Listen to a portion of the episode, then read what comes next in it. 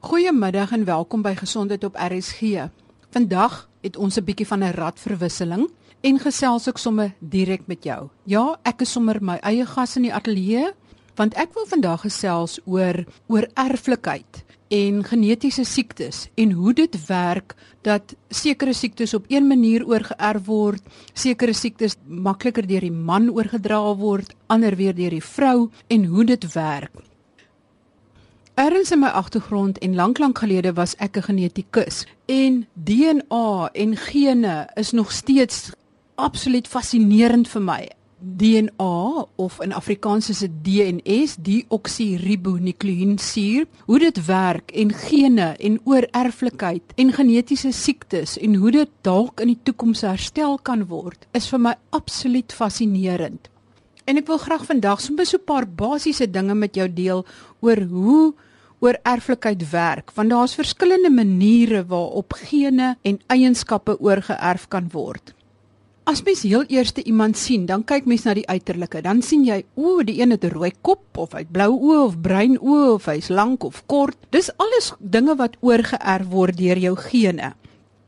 Jy kyk na die een en jy sien, o, jene, maar die hare lyk soos die ouma se en die ore lyk soos die oupa se en dan kom jy later agter die een is net so beduiweld soos die oupa grootjie of die pa of net so pedanties soos die ma en en dit moet altyd die mooi eienskappe wat van jou eie familie se kant af kom en die slegte eienskappe wat van die skoonfamilie se kant af kom. Op dieselfde manier as wat oogkleur oorgeerf word, soos wat lengte van iemand oorgeerf word of die manier waarop hy stap. So word daar ook ander dinge wat jy nie dadelik kan sien nie, ook oorgeerf. Nou hoe werk dit? Kom ons begin by die begin. Elke selletjie in jou liggaam het 'n selkern. Dit is nou al die selle buitenrooi bloedselle. En eintlik is hulle nie selle nie, hulle is dan net rooi bloedliggaampies want hulle het nie selkerne nie. Dit is baie interessant. Maar alle ander selle in jou liggaam het 'n selkern. En in jou selkern is daar DNA of in Afrikaans word dit DNS genoem. Nou meestal is hierdie DNS is soos 'n spiraal so opgekrul wat jy in jou biologieboeke van sou geleer het as 'n dubbel helix. Maar in 'n sekere stadium wanneer jou selletjies moet verdeel of daai spesifieke selletjie moet verdeel, dan word daai genetiese materiaal gerangskik nie in 'n lang dubbel helix soos 'n spiraal nie, maar in korter stukkies. En al die stukkies is ook nie ewe lank nie en ons noem hulle kromosome. Nou elke mens het in sy selle, in sy liggaam se selle, het hy 46 kromosome. Die 46 kromosome is almal in pare gerangskik. 44 van daai 46 is in pare en die ander 2 is die geslagskromosome wat ons noem die X of die Y. As jy 2 X het, is jy 'n vrou en as jy 'n XY het, is jy 'n man.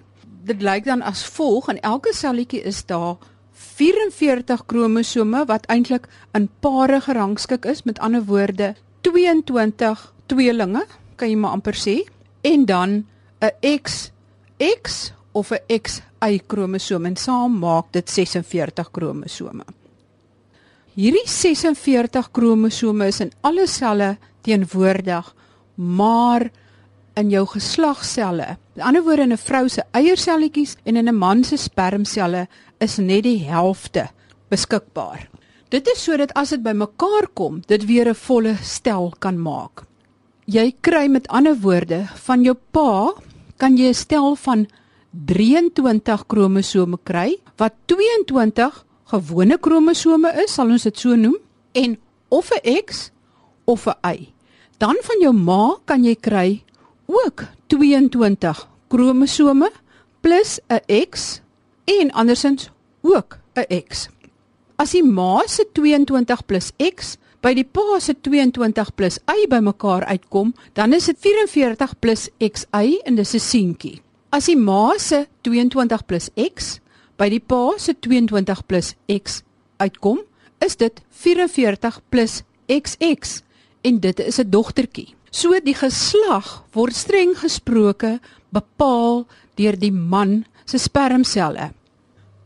Nou het jy 'n babietjie wat nou ontwikkel wat die helfte van sy kromosome van sy ma afkry of sal ons eerder sê die helfte van sy genetiese materiaal van sy ma en die helfte van sy genetiese materiaal van sy pa afkry. Maar onthou nou, die pa het weer die helfte van sy genetiese materiaal van sy ma en die ander helfte van sy pa gekry. Mens weet net nie altyd watter helftes dit is nie. En die ma het weer die helfte van haar genetiese materiaal van haar ma gekry en die ander helfte van haar pa. Mens weet ook nie eintlik watter helftes dit is nie. So dit is eintlik glad nie verrassend as 'n klein babietjie gebore word en hy word groter, dat hy miskien net so sy oupa loop of dat hy presies dieselfde dinge doen as wat sy ouma een ouma doen nie. Of dat hy altyd sy boeke in netjies se rye pak en sy karretjies in netjies se rye pak soos wat sy een oupa gedoen het nie. Of soos wat sy pa gedoen het nie. Of soos wat sy ma gedoen het nie. Of selfs soos wat 'n oom of 'n tannie doen nie. Want daai genetiese materiaal word deur geslagte aangegee. Maar wat elke baba so uniek en interessant maak is dat mens nooit kan voorspel presies wat in daai pakkie is wat van die ma of van die pa afkom en watter helftes en helftes en kwarte en kwarte kom van die oumas en oupas af nie. Nou het ons die baba en die baba word groter en nou begin mens allerlei kenmerke te sien. Op die ou en is dit mens met 'n unieke persoon voor jou en in elke mens is daar in sy genetiese materiaal, in sy DNA, in sy kromosome is daar gene wat kodes gee vir spesifieke dinge wat moet gebeur in jou liggaam. Dit is gene wat kodeer vir blou oë of gene wat kodeer vir bruin oë. Dit is gene wat kodeer vir lengte. Dit is gene wat kodeer of jou risiko vir diabetes hoog is. Dit is gene wat kodeer of daar dalk 'n kankergewas in jou gaan groei. Maar al word jy met 'n stel gene gebore wat dalk goeie gene en slegte gene bevat, is daar nog steeds hoop dat die slegte gene nooit aangeskakel hoef te word nie. Kom ek verduidelik hoekom ek so iets sê. Ons kyk eers hoe word genetiese eienskappe en siektes oorgeerf. Dit kan op een van 3 maniere gebeur of dit is 'n enkele geen wat kodeer vir daai spesifieke siekte of eienskap en dan word dit met daai enkele geen oorgedra na die volgende geslag toe. Of dit kan die effek van 'n klomp gene wees. Wat die navorsers ook al hoe meer vasstel, is dat alles is nie so eenvoudig nie. Dit lyk of daar wat hulle noem aktiveringsgene is wat die gene wat amper aan die slaap is aanskakel. So daar's aanskakelgene en daar's afskakelgene. Vir 'n sekere eienskap of 'n sekere siekte om na vore te kom, moet daai gene aangeskakel word deur ander gene. En dan die derde manier is daar 'n baie sterk interaksie tussen gene en die omgewing. En wat hulle hier gevind het, is dat daar sekere dinge in jou omgewing moet gebeur om sekere slegte gene aan te skakel. En as jy jou nie blootstel aan hierdie dinge in die omgewing nie, dan kan dit gebeur dat al het jy swak gene, dat jy nooit die siekte wat gekoppel is aan hierdie swak geen hoef te ontwikkel nie. Kom ons kyk eers na die manier as 'n siekte oorgeerf word deur 'n enkele geen. En dan is hier ook nou verskillende scenario's wat hier kan werk. Onthou nou weer eens dat gene altyd oorgeerf word in pare van 2, een van elke ouer. Sê nou maar hierdie gemuteerde geen of die geen wat 'n spesifieke eienskap oordra is dominant. Dan het jy net 'n enkele kopie van hierdie geen nodig van enige van jou twee ouers om hierdie eienskap te hê. Voorbeelde van hierdie eienskappe is byvoorbeeld soos bruin oë. As jy 'n geen vir bruin oë net van jou ma afkry of net van jou pa af en jy het die geen vir blou oë van die ander ouer gekry, sal die bruin oog geen dominant wees oor die blou oog geen. As albei ouers bruin oë het, is die kans groot dat hulle kinders bruin oë sal hê. Maar dit kan ook wees dat 'n bruinoog of 'n groenoog ouer 'n dominante breingeen het en daarom lyk sy oë bruin, maar het ook 'n geen vir blou oë. Dit kan dieselfde wees met die ander ouer. As die een ouer die geen vir blou oë aangee en die ander ouer gee ook daai ondergeskikte blou oog geen aan en jy kry twee gene vir blou oë langs mekaar, dan gaan die kind blou oë hê. So dit kan wees dat as albei ouers bruin oë het of eintlik as hulle groen oë het, is dit al 'n aanduiding. Dan is dit moontlik dat hulle 'n kind met blou oë kan hê. Maar blou oog ouers kan net blou oog kinders hê. Maar op dieselfde manier as wat hierdie geen wat dominant is soos bruin oë oorgeerf word, so kan 'n siekte toestand soos Huntington's chorea en neurofibromatose oorgeerf word. Die tweede scenario met 'n enkel geen oorerwing is as hierdie gemuteerde geen resessief is. Met ander woorde, hy's nie dominant nie. Dan moet jy twee kopieë van hierdie geen oorerf om die eienskap of die siekte te hê eienskappe wat dan so oorgeerf word is blou oë en dan siektes soos sistiese fibrose, siekelselanemia, dit is 'n tipe bloedarmoede en wat ook baie interessant is in hierdie geval is dat dit 'n generasie kan oorslaan. Een generasie kan sistiese fibrose hê, dan kan daar 'n generasie wees wat gesond is, wat basies draers is, maar uiterlik gesond is en dan kan die volgende generasie dalk weer sistiese fibrose hê. Dan die derde manier waar dit betrokke is by enkel geen oorerwingspatrone is dat sekere eienskappe en sekere gene kan op die X-kromosoom lê. Nou dit maak vir baie interessante oorerwingspatrone. Vroue het twee X-kromosome en 'n man het 'n X en 'n Y-kromosoom. As hierdie defektiewe geen dominant is en hy lê op die X-kromosoom, dan het jy net een van hierdie gene nodig om die siekte of die eienskap te hê. Dan kan 'n pa dit nie na sy seuns toe oordra nie, want hy gee sy X-kromosoom aan sy dogters en dan sal die dogters aangetast wees. Nou siektes wat so oorgedra word, is sekere vorms van hemofilie. Maar in die meeste gevalle, wanneer die defek op die X-kromosoom lê, is die defek resessief. En dit beteken die ma sal dit net hê as sy twee van die defektiewe gene het.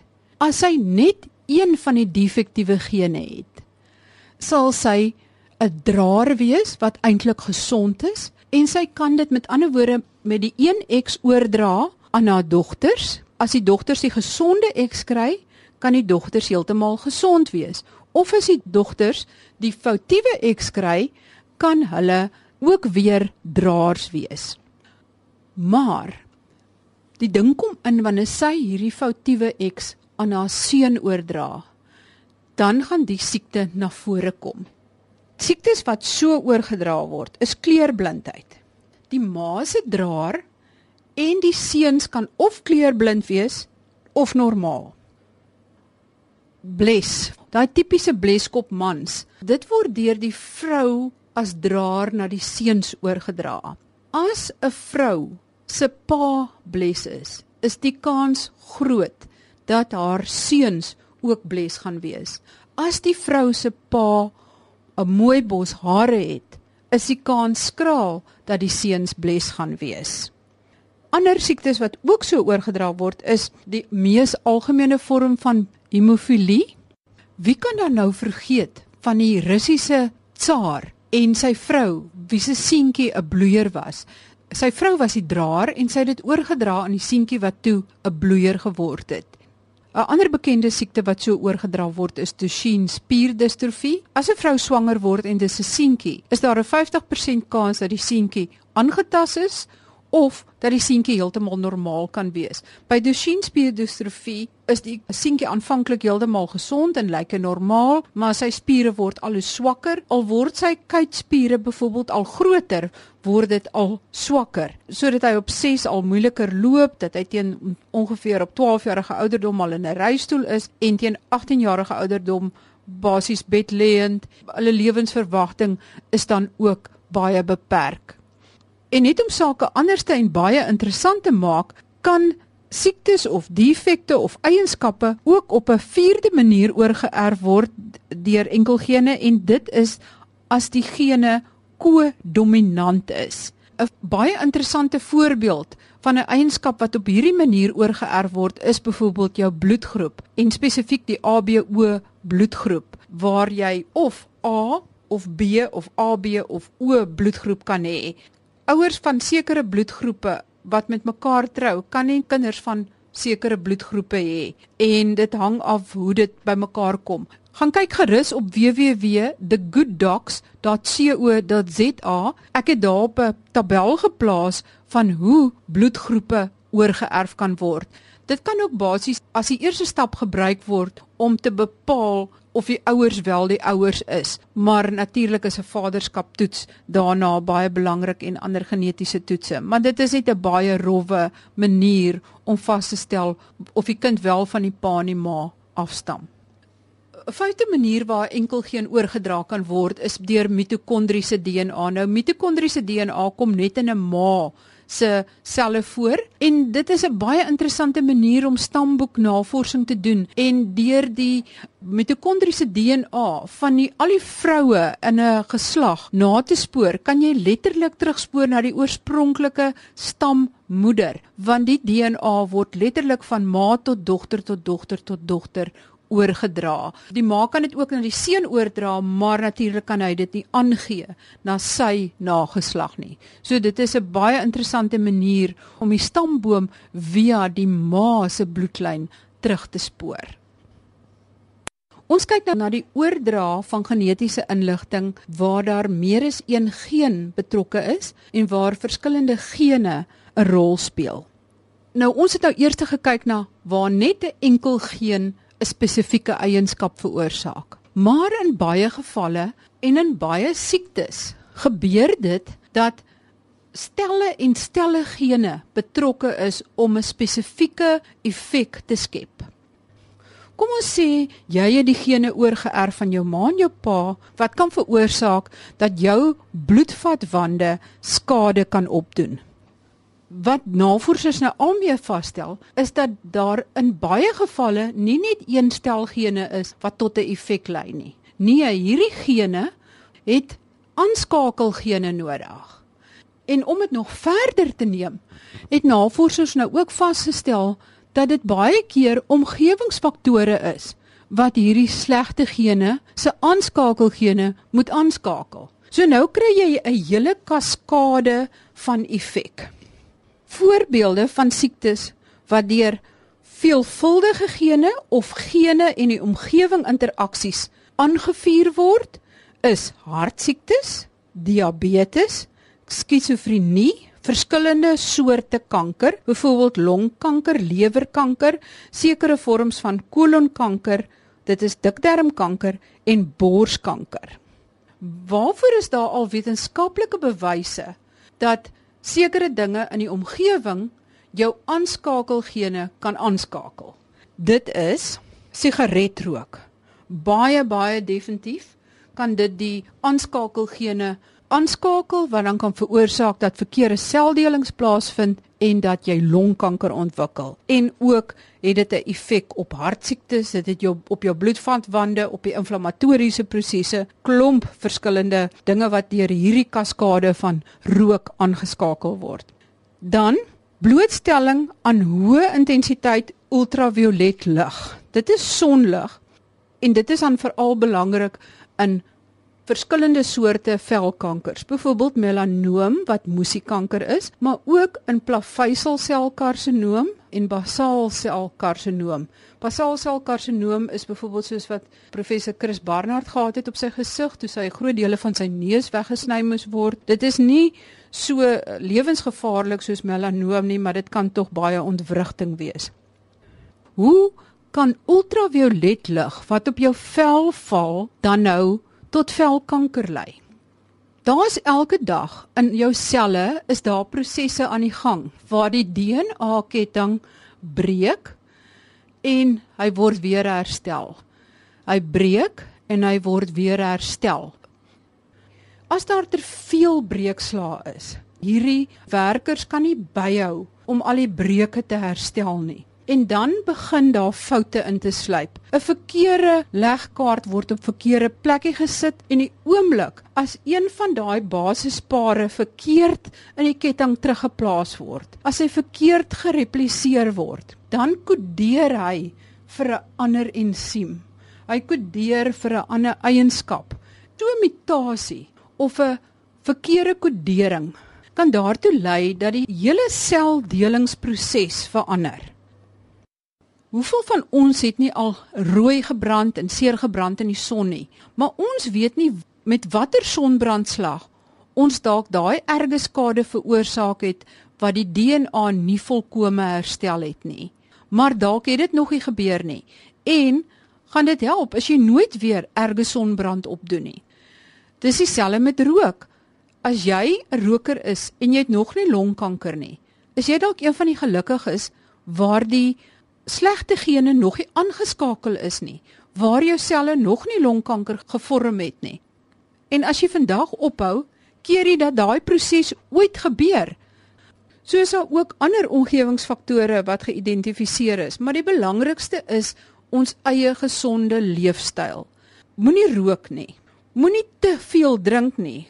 Moenie oorgewig wees nie want dit kan ook slegte gene aanskakel. Te veel suikers en soetkosse wat jou oorgewig maak, kan ook verkeerde gene aanskakel.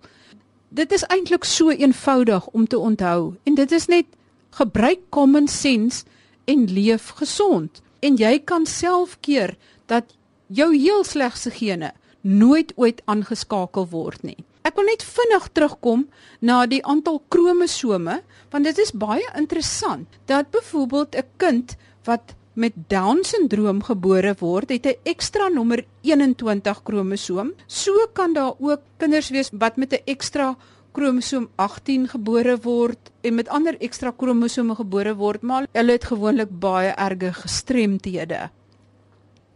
Dit is dan ook baie interessant dat die hele beweging van nuwe medikasie is juis in die rigting om verkeerde gene of slegte gene wat aangeskakel is weer te probeer afskakel. Dis presies die rigting van navorsing met kankerbehandeling om kankergene weer af te skakel, om eintlik die afskakelgene te aktiveer. Daarom is daar so groot vooruitgang om die mense gene, die mense genoom te karteer en presies te weet watter gene skakel watter prosesse aan. Dis 'n baie interessante veld. Maar so kom ons ook aan die einde van ons program. Ek wil net so vinnig 'n voorskou gee van waarna jy kan uitsien in die volgende paar weke. Ek het 'n baie interessante onderhoud gedoen met 'n autistiese seun en sy ma. Ons gesels oor hartversaking, oor boonste motorneuron siekte, dit is Jose siekte, oor psigopate, oor al die vreemde foefies en siekte toestande in die James Bond flieks, hoe jou niere werk en waarom jy eintlik eers agterkom iets is fout is een van jou niere eintlik amper klaar ingegee het, oor babas en kinders se hartdefekte, oor asma en oor die verskillende soorte hoes en hoe jy eintlik deur mooi te luister hoe die een hoes amper kan weet wat die fout is en hoe 'n dokter dit kan behandel. Tot volgende week. Totsiens.